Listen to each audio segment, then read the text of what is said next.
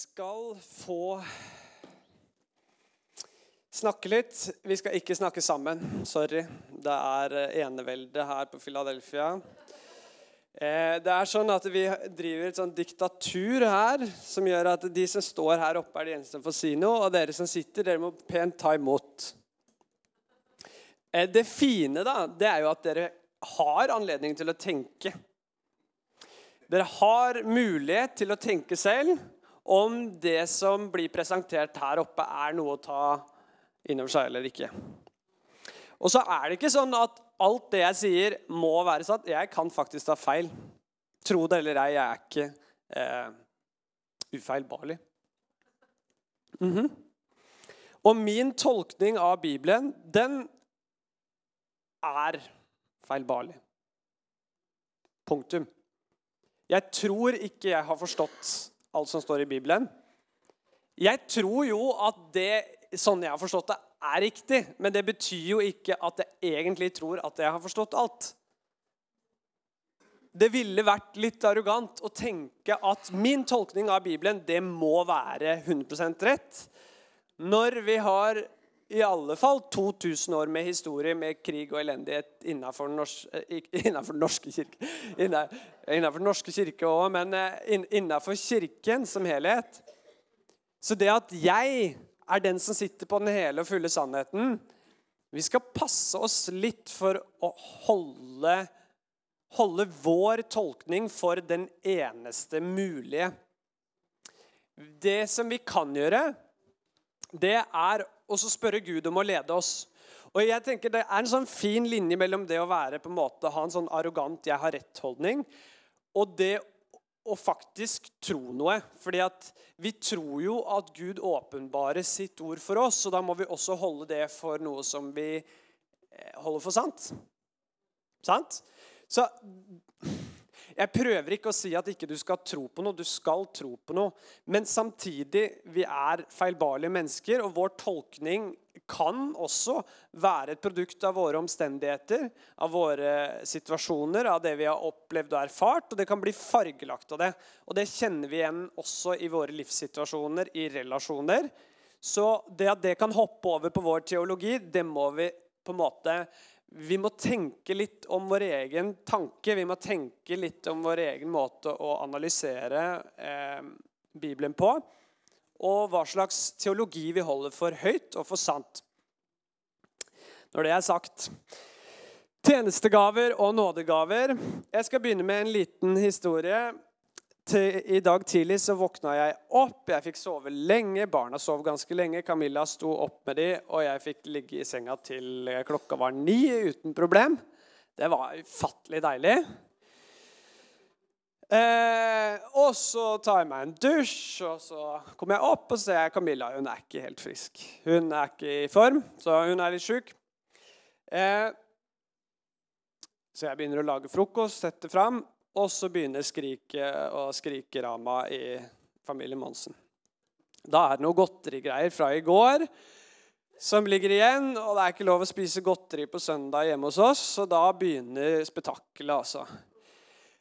Og da kjenner jo jeg på at det som var en ganske nydelig eh, morgen, det blei etter hvert ganske forkastelig. Og så var jeg jeg blei syndebukken da, fordi, i familien fordi at jeg sa fra at det ikke var greit å ha godteri, så det må vi legge opp i skapet.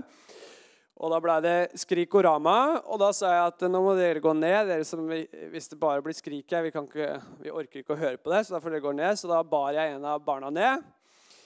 Og da Eh, så nå tenker jo dere at alle som holder preike, vi er jo liksom Vi er ledere, vi. Så vi gjør for det første, vi gjør ikke feil. Vi har ikke barn som skriker eller som setter seg opp mot oss og sånn. Og det stemmer, men det stemmer ikke med meg. Det stemmer med alle de andre lederne. De, er, de har ikke sånne, sånne, situasjoner. Så det som skjedde med meg, da, det var at jeg blei så hett inni meg at jeg trodde jeg skulle koke over og sprenge. Eh, og så begynner de andre barna begynner å beskytte hverandre når jeg setter dem på plass for at de skriker pga. godteristyret. Så da begynner jeg å skrike tilbake til de. Og jeg hyler nærmest sagt til de at det går ikke an å holde på sånn når dere oppfører dere som drittunger og ikke med det ene og det andre. Jeg klarer ikke å beherske meg helt. Og ikke veit jeg helt hvorfor jeg blei så sint heller, men det er noe med det at eh, jeg føler jeg på en måte har en rett da, til å korrigere barna når de ikke oppfører seg skikkelig, når det er dårlig oppførsel. Og så i tillegg så beskytter de hverandre, og så gjør de meg til mørkemann fordi jeg sier fra at eh, dette er nok, på en måte. Og så får jeg høre det på alle vis. Så ikke er det det at det er litt kjipt å ta den rollen, men i tillegg så skal alle gjøre meg til mørkemann i tillegg. Og da blir jeg så sint at jeg ikke klarer å styre meg. Det er innledninga til å skulle preike på Philadelphia, by the way. En sånn morgen det er til å ta og føle på. Eh, og det er kontraster. Og så tenker du ja, for en Guds mann. Sånn tenker man om seg selv da. Har dere vært med på det? At etter, etter sånne, at du føler liksom at du ikke klarer å styre dine egne impulser Det første du tenker på, er 'Jeg er en Guds mann'. Jeg burde stå her oppe og preike for alle andre om lederskap og det, om tjenestegaver og nådegaver. Kjenner dere dere igjen? Det har dere veldig lyst til. Så jeg gjør jo kanskje dette til en litt humoristisk setting, men det var ikke noe gøy. Bare, bare sånn at det var sant. Og de følelsene jeg satt igjen med, var ikke sånn Å, nå, er jeg veldig, nå, nå kjenner jeg meg så Dette er jeg klar for. Så det var utgangspunktet mitt i dag. Så er jo spørsmålet Vi får se hvordan dette går. Vi skal i alle fall lese fra Bibelen. Poenget da, med å fortelle dette her, det er jo at de tinga som står i Bibelen, de angår oss alle, uavhengig av situasjonen. Uavhengig av hvordan vi føler oss, så står det ting i Bibelen som vi må forholde oss til. Og så handler det ikke egentlig kanskje Vi må ikke alltid legge vekta innover for å forstå Gud. Det er greit å legge vekta litt innover av og til og ha litt selvrefleksjon, men vi kan ikke bruke det som mal for en skal, hva en skal holde på med i livet. Vi kan ikke la de dårlige eller de gode følelsene få styre alle valg vi tar, og beslutninger vi tar. Eh, og Sånn er det også med tjenestegaver, og sånn er det med nådegaver. Kanskje enda mer. Ok, første korinter skal vi se. Vi skal lese fra Skrifta. Og hovedbasis for det som jeg skal snakke om i dag med tjenestegaver og nådegaver, det er eh, det, av, av, Paulus sin forståelse av tjenestegaver og nådegaver. Eh, så vi skal lese litt i hans, eh, hans brev. Har det kommet opp her, ja? Første Korinterbrev, kapittel 12, vers 4. Og vi skal lese til 11. Det er mange ulike nådegaver, men ånden er den samme. Det er mange ulike tjenester, men Herren er den samme. Og det er mange ulike kraftige virkninger, men Gud er den samme, som virker alt i alle. Åndens åpenbaring blir gitt til hver enkelt etter hva som er gagnlig. For til én blir det gitt visdomsord ved Ånden, til en annen kunnskapsord ved den samme ånd. Til en annen tro ved den samme ånd.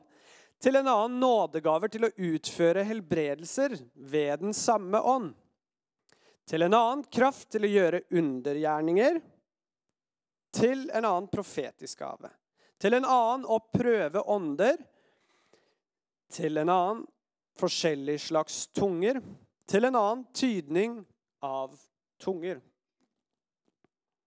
Men den ene og samme ånd virker alle disse forskjellige nådegavene og deler ut til hver enkelt slik han vil.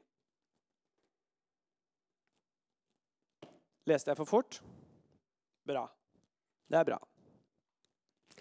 Jeg tror at uh, dette her er litt uh, kompakt, og så er det litt viktig at vi kan få tenke litt fritt rundt det. For det er ikke gitt at uh, vi forstår hva som står her egentlig på samme måten. Vi kan ha litt forskjellig horisont å tolke det ut fra. Og Det har også blitt gjort opp gjennom kirkehistorien. Og det er greit, det. Men essensen er Ånden er den samme. Herren er den samme. Gud er den samme. Tre ganger står det. Og når noe står tre ganger, så forsegles det. Og, og, eh, og, vi kjenner igjen tallet tre i mange ting i Bibelen. Og det er litt viktig at uavhengig av uttrykk i Guds menighet så er Gud den samme. Det er ikke sånn at eh, å, du har Den hellige ånd, og så har du Jesus, og så Vidar, han har Gud. Gud er den samme, men virkningene kan være litt forskjellige. Og det som samler det sammen, det er at det er Gud som er virksom og gjør alt i én. Nei, gjør alt i alle.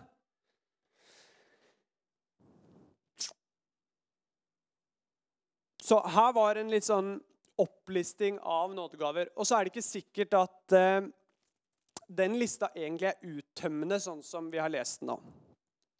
Hvis vi leser videre i breva, så står det også om andre gaver. Det står ikke bare disse, det står om andre nådegaver. Og det står om tjenestegaver. Og det er ikke gitt at den, de bibelversene vi leste, at det betyr at det ikke er andre nådegaver. Jeg vet ikke hvor tydelig en skal lage en teologi på det, men det er blitt forstått som at det er like mange gaver som det er lemmer på Kristi kropp.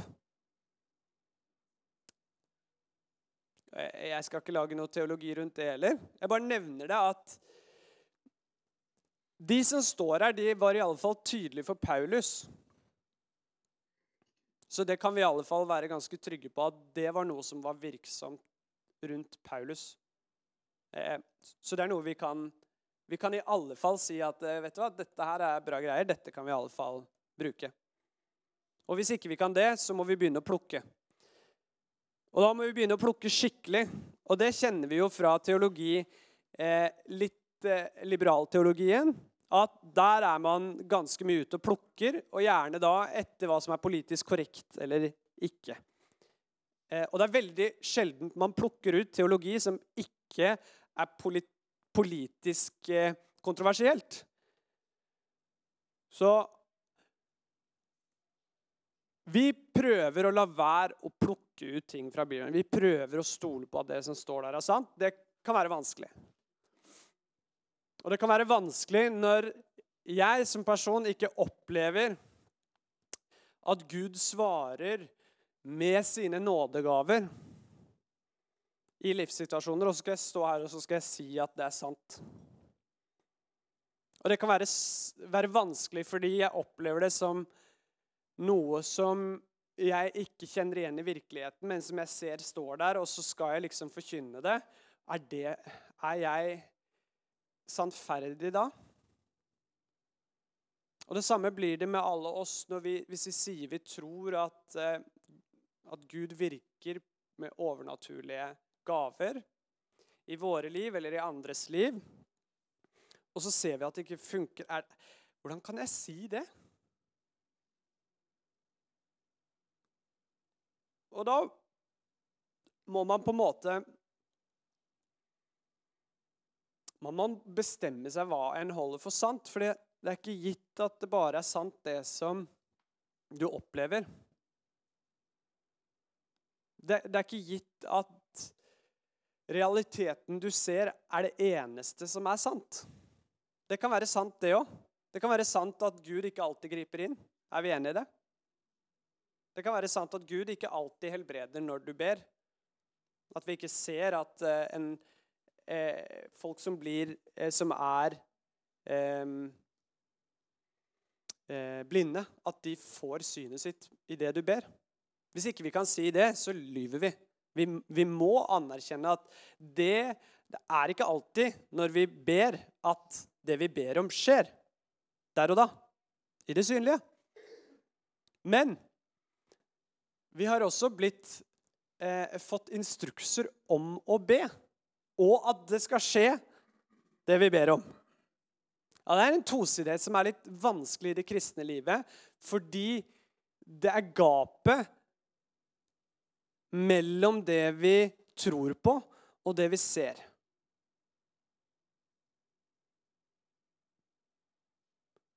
Og der ligger det et håp. Og det ligger risiko.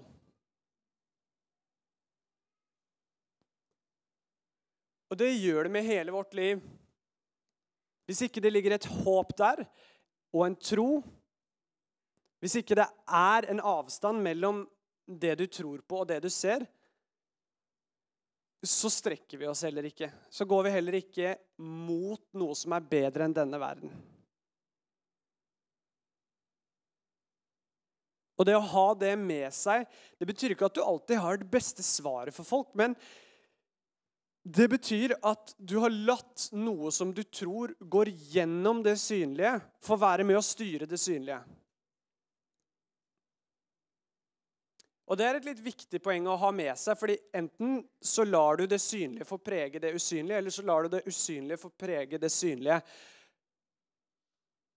Og Det er ikke sånn at vi gjør det helt uten grunn, men hvis du har en antakelse om at du skal holde Guds ord for sant og hellig, så må det få lov til å virke i det synlige. Det må få lov til å virke gjennom det vi ser.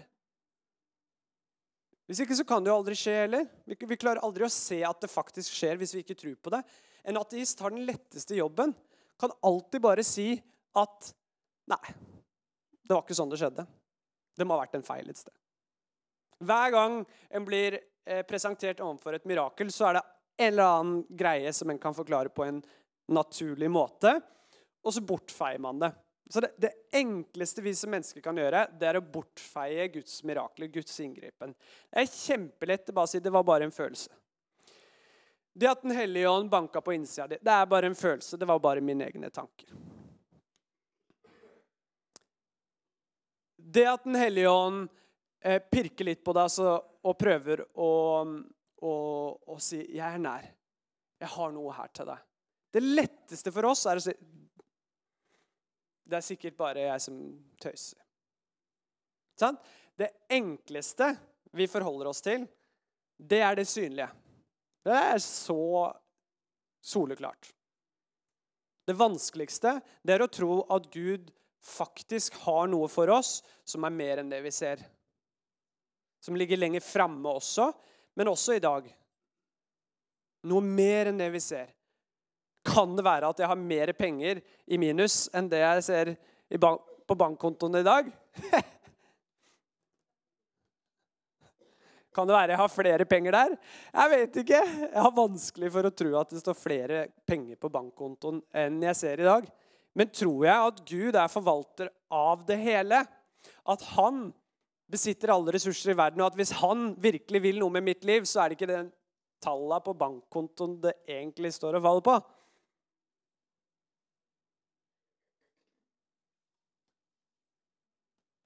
Hvem er det vi har med oss?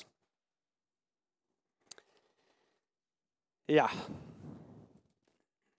Alle nådegaver og tjenestegaver er tenkt som oppbyggelse, formaning og trøst for Guds menighet. I hans kirke. Og kanskje er det også sånn at alle disse nådegavene og tjenestegavene er en del av Guds plan for at vi skal få del i hele hans fylde. At vi skal få oppleve hele Kristi kjærlighet. For det står i Efeserne 3 Nå skal vi lese litt der. Efeserne 3, 14. Derfor bøyer jeg mine knær for vår Herre Jesu Kristi Far fra ham som ethvert farsforhold i himlene og på jorden har sitt navn. Og jeg ber om at han vil gi dere å bli styrket med kraft ved sin ånd i det indre mennesket, etter hans herlighets store rikdom. Det vil si at Kristus får bo i hjertene deres ved troa, idet dere er rotfesta og grunnfesta i kjærlighet, for at dere skal være i stand til å fatte, sammen med alle de hellige, hvor stor bredden og lengden og dybden og høyden er. Å kjenne Kristi kjærlighet som overgår all kunnskap, for at dere kan bli fylt til hele Guds fylde.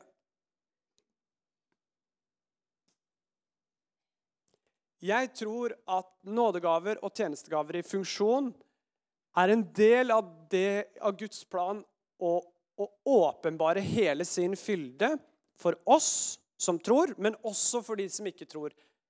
Når nådegaver og tjenestegaver er i funksjon, så er det veldig sterkt fordi at vi kommer inn i Guds rike, og så tjener vi med nåde og med hensikt. Vi får en retning som vi er skapt til å leve i. Og vi bruker de gavene vi har fått. Sannsynligvis så bør nådegaver og tjenestegaver forstås litt på denne måten. Kirken er Kristi kropp på jorda. Som enkeltmenneske er du en lem på denne kroppen. Og alle lemmer har sin hensikt og sin funksjon. Med unntak av blindtarmen, men den tenkte ikke Paulus på. Ånden og Herren, han gir sine gaver sånn som han vil. Klarer vi å, å tenke at det er utgangspunktet? Gud gir det som han vil. Om jeg vil eller ikke, spiller ikke noen rolle. Som han vil. Om jeg føler for det eller ikke, spiller ingen rolle. Som han vil. Fordi hvis du har gitt avkall på ditt liv for å få det Det betyr hvis du holder deg som en kristen person, så betyr det at du har gitt avkall på deg selv for å få det. Du har gitt avkall på ditt liv, gitt det vekk, kasta det, begravd det i dåpen. Og så har du stått opp i et nytt liv med Kristus. Det er det nye liv, det er den nye skapning, der Gud har gitt deg dette livet med sin hensikt, med sine gaver. Du er, du er poda inn på et tre som er Kristus. Når du blir tatt inn, du blir ført inn Denne fingeren ble satt inn på Kristi kropp. Når vi er et lem, og vi er satt inn på Kristi kropp, ta det på alvor. Du har en funksjon, du har en hensikt. Og ditt formål er ikke å ære deg selv, men å ære Gud med det som han har gitt deg.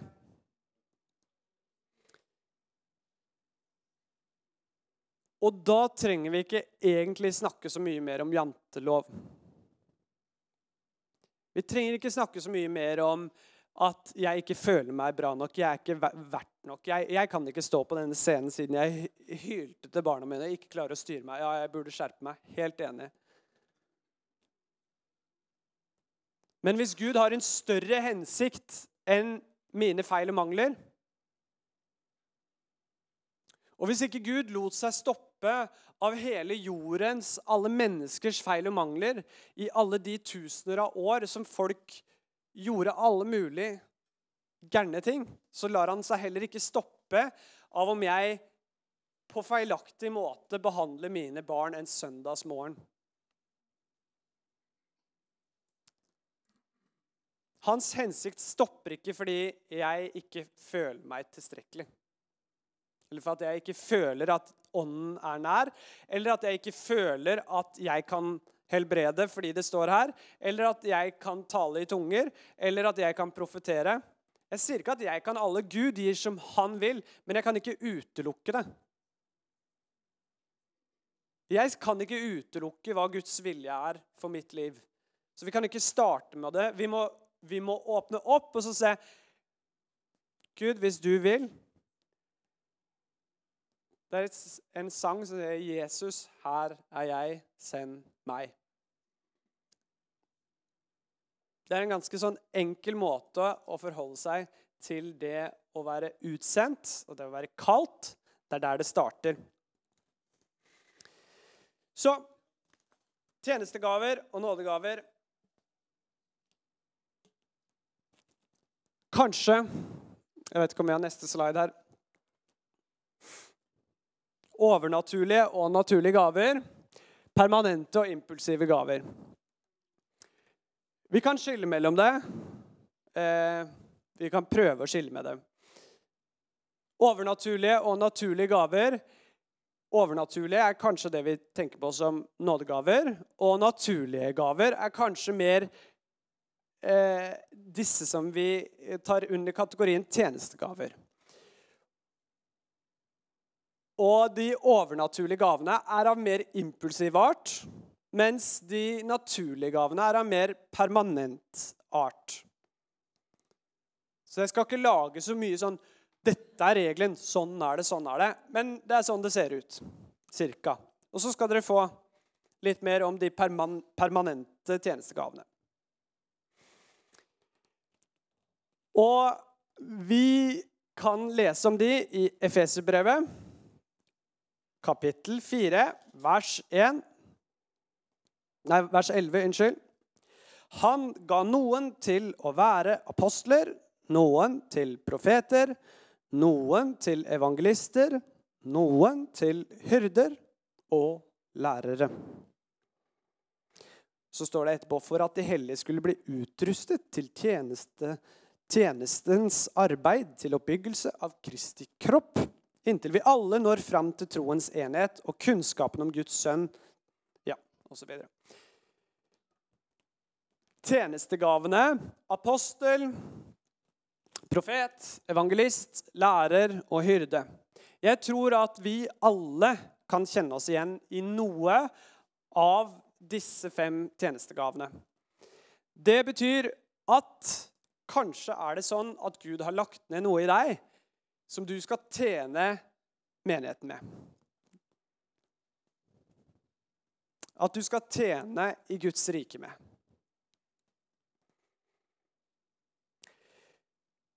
Så apostel, det betyr sendebud med ikke bare et sendebud, men et sendebud med autoritet fra oppdragsgiveren sin.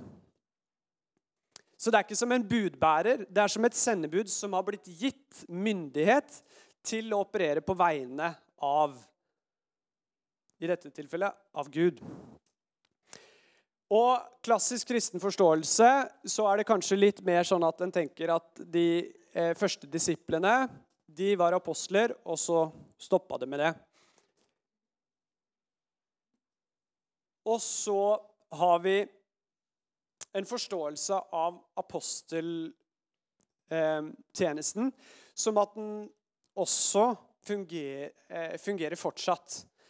Og om ikke annet som i Paulus som apostel, så i alle fall i form av eh, eh, gavene tjenesten representerer.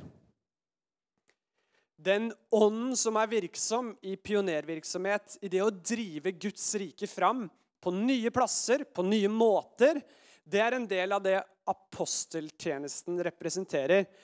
Og det er alltid i tråd med Guds ord å ta Guds ord videre. Og mange som, eh, som vi kan se i Bibelen, som har en apostolisk eh, tjeneste, de representerer i stor grad de andre tjenestegavene. Så har vi profet. Vi har vel hørt om noen profeter, kanskje. Eh, I Gamle testamentet kan vi lese mange profeter, og de står i særstilling. Eh, og noe av det som eh, kjennetegner det kanskje mest, er at de er opptatt av det som Gud vil. Og de er oppmerksomme på han. De er sannhetssøkende, og så ser de kanskje ofte lett gapet mellom det som er, og det som burde ha vært. Eller kunne ha vært. Oppmuntring, trøst og formaning er stikkord hos en profet. Og Da er det både til enkeltmennesker og til menigheten. Evangelist. En person som på en enkel og klar og relevant måte er i stand til å eh, presentere evangeliet. Og det er ofte en spesiell nød for de som enda ikke tror. Lærer Både hyrde og lærer er nært beslekta. Eh, og læreren er kanskje litt mer utprega opptatt av formidlinga av Guds ord som man leser det, men også som det oppleves.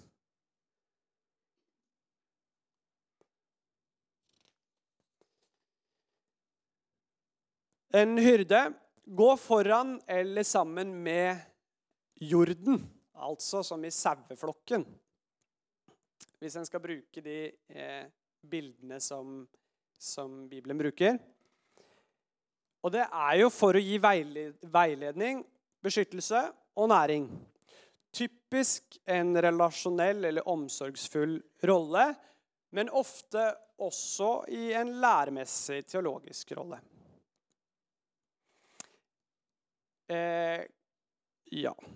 Jeg skal også ta med to andre gaver som ikke eh, nødvendigvis står her, men som, som en kan finne ut av andre, andre skriftsteder i Nytestamentet. Det å lede, gaven å lede, å sette mål i samsvar med Guds mål, kommunisere de og lage Eh, sånn at frivillige kan få være med og realisere måla. Så det å lede andre med Guds mål Være med å tydeliggjøre Guds mål og kommunisere det. Og så har du en administrerende funksjon. Eh, I Bibelen så står det, i alle fall i oversettelsen min, eh, gaven å styre. Så det er en slags koordinerende funksjon som planlegger og tilrettelegger for gode system, rutiner og orden. Og de to siste her er kanskje mer eh, oppgave- og målorienterte funksjoner enn de fem første, som er mer eh, utrustende ledergaver. Yes. Da er de presentert. Så blir det et spørsmål. Hvilken av de syv lederskapsgavene ligger nærmest din gaveutrustning? Nå kan du få tenke litt. Og hvis du vil, skal du få snakke med sidemannen din. Eller sidekvinnen. Eller sidebabyen.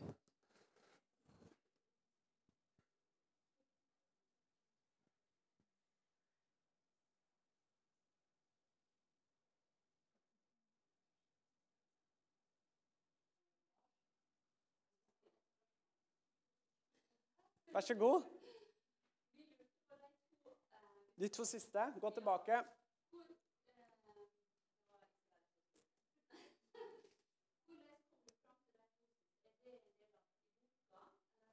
Ja, det, det, det, står nevnt, men det står ikke i disse tekstene jeg tok for meg nå. Så det, det står nevnt i andre settinger. Ja.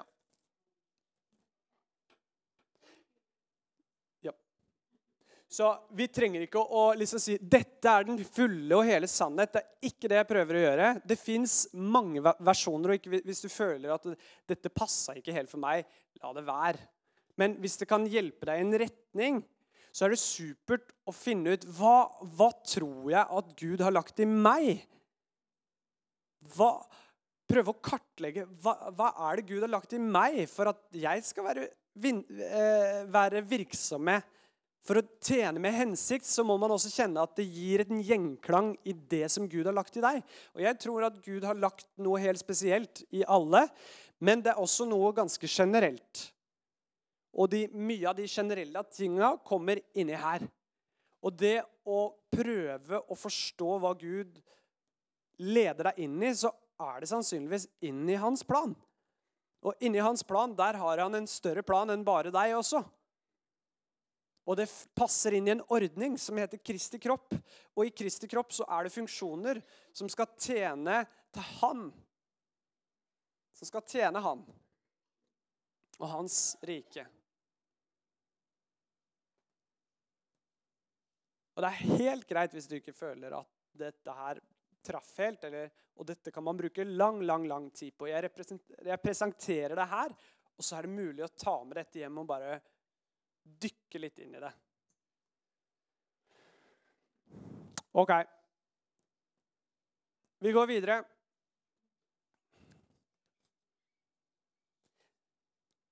Og vi har ikke begynt å snakke om nådegaven ennå, så det tenker jeg at jeg skal, jeg skal, kort liste det opp. Vi skal ikke bruke masse mer tid på det nå, for tida mi er over. Men jeg skal ramse det opp, og så kan man forholde seg til det og ta det med dere. Jeg tar det med det, tar det med meg. Jeg bærer det med meg stadig vekk. Første Korinter 12, 8-10. Vi leste det i starten også, men vi går tilbake. Der står det For til én blir det gitt visdomsord ved ånd, til en annen kunnskapsord ved den samme ånd, til en annen tro ved den samme ånd, til en annen nådegaver til å utføre helbredelser ved den samme ånd, til en annen kraft til å gjøre undergjerninger, til en annen profetisk gave, til en annen å prøve ånder, til en annen forskjellig slags tunger, til en annen tydning av tunger. Men den ene og samme ånd virker alle. Disse forskjellige nådegavene og deler ut til hver enkelt slik han vil. For enkelhets skyld så er det noen som har delt det inn i tre ulike nådegavekategorier. Den første er kunnskapsgaver. Og der kan vi se visdomsord. Og Disse gavene skiller seg litt fra tjenestegavene fordi som jeg skrev litt tidligere, at de er av litt mer overnaturlig og kanskje impulsiv art. Altså eh, ved at Den hellige ånd, som bor i den som tror, minner oss på ting, og vi er åpne for å høre. Og han gir oss, så kan han gi oss et visdomsord som kan være en visdom, visdom inn i en situasjon. Eh, råd, måter å gjøre ting på som kan være med inn i vanskelige situasjoner på en overnaturlig måte. Og så har du kunnskapsord som jeg forstår det som at Gud gir et spesifikt ord inn i en situasjon som snakker inn i noen andres liv. Som den som sier det, ikke har noen som helst forutsetning for å eh, si eller vite noe om. Og så skjelne ånder, eller prøve ånder, går også på eh, dette med kunnskapsgaver, fordi en klarer å, eh, å skille mellom onde og gode åndskrefter i situasjoner. Og et sånt eh, poeng er jo Jesus som blir frista av Peter, uten at Peter vet det. Sier han, 'Satan, vik fra meg.' Tenk å si det til sin nærmeste venn når du vet at du snart skal dø, så sier du til den nærmeste vennen din som står der og bare vil gjøre alt for deg, egentlig. Satan, vik fra meg. Så det er et ganske ekstremt tilfelle av det å prøve ånder. Ja. Talegaver. Tungetale. Og da eh, Da i hvilken grad dette handler om din personlige gave Jeg tror ikke egentlig det er det det er snakk om her, men kanskje mer tungetale som i at en eh, snakker tunger i et annet språk uten at en vet helt hva det en sier, betyr. Eh, fordi at eh, eh, gaven om å snakke i tunger kan også være for sin egen oppbyggelse. Men jeg tror i denne settinga at vi snakker om eh, nei, nådegaver, eh, ikke til eget egen oppbyggelse, men til menighetens oppbyggelse. Da er det snakk om tungetale som at Gud legger det på en person som skal tale noe ut som en ikke aner hva er, så er det et språk, et faktisk språk som noen kan tyde. Og da kommer tydningen eh, inn. Så det var tungetale og tungetaletydning. Og så har du å profetere, som da er å snakke ut det Gud sier. Og av og til kan det også ha av eh, på en måte skjult betydning, altså at profeten snakker ut noe i framtida som kan skje, som du kan ta til deg som oppbygging, trøst eller formaning. Next kraftgaver. Og dette er jo kanskje den som er mest sånn crazy. For her har du en gave for tro. Jeg vil jo nesten si at det er en gave å tro på at du skal klare å samle inn 100 millioner til et kirkebygg. Da tenker jeg at hvis du faktisk med hele hjertet ditt tror det, da har du en nice trosgave.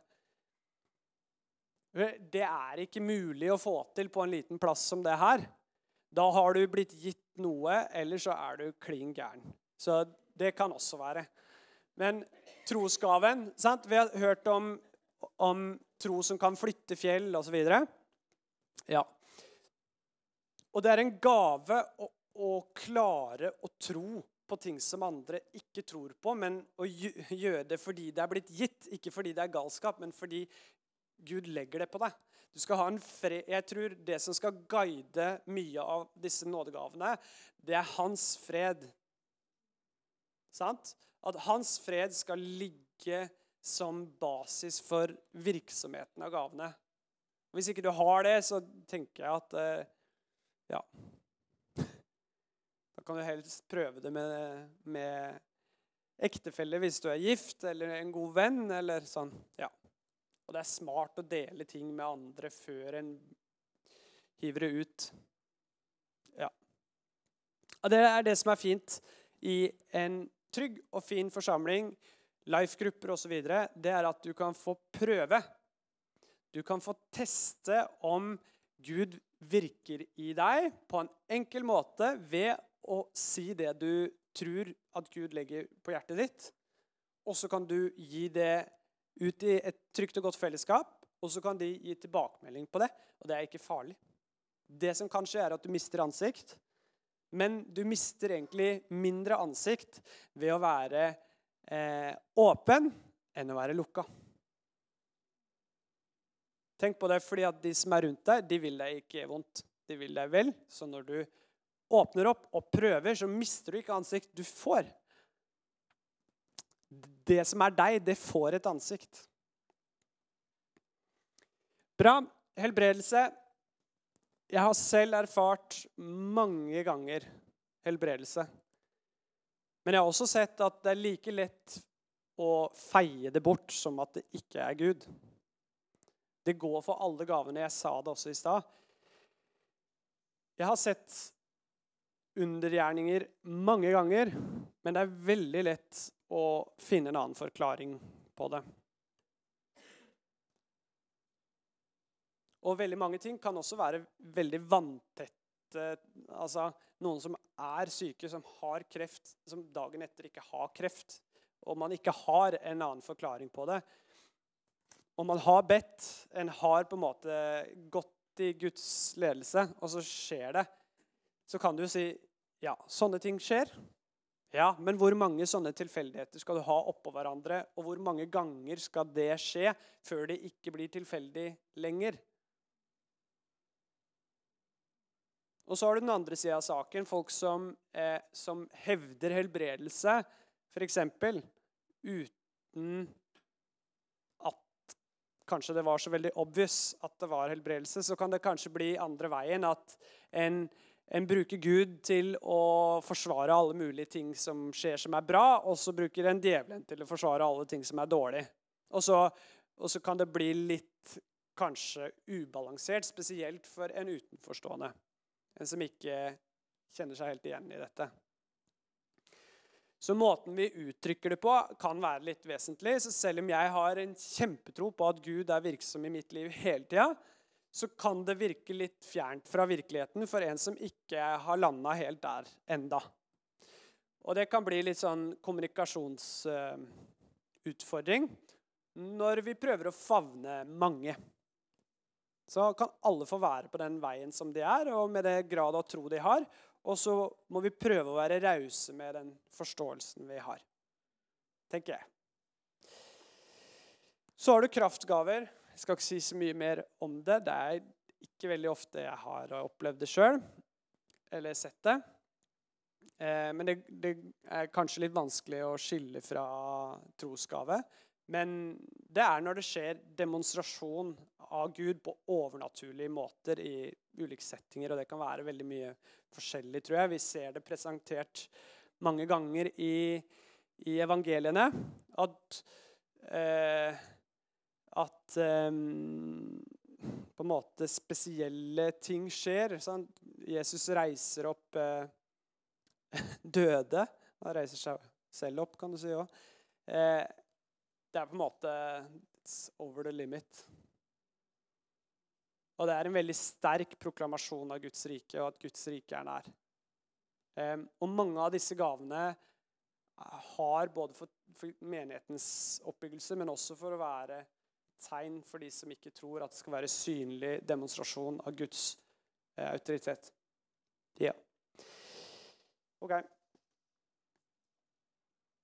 Jeg tror jeg skal runde av og så be en bønn. Eh, dette formatet gjøre ting på, som er kanskje litt mer eh, sånn undervisningsformat, eh, gjør også at man kanskje ikke har like mye tid til å å eh, være personlig knytta til de tinga her. Og dette er liksom ting som en må prøve, prøve seg fram på litt. Håper alle er med i en life-gruppe. Og at dette er noe som dere i life-gruppene på onsdag eller tirsdag eller torsdag eller når din life-gruppe møtes, at en kan ta med dette her og så adressere det litt. Og prøv det litt. Fordi når disse gavene er virksomme, så er det til formaning, trøst og oppbyggelse for oss og for de rundt oss. Og når disse gavene er virksomme, så blir Kristi kropp i større grad komplett. Fordi du tjener med den hensikten som Gud har lagt i ditt liv. Og fraværet av det er et savn.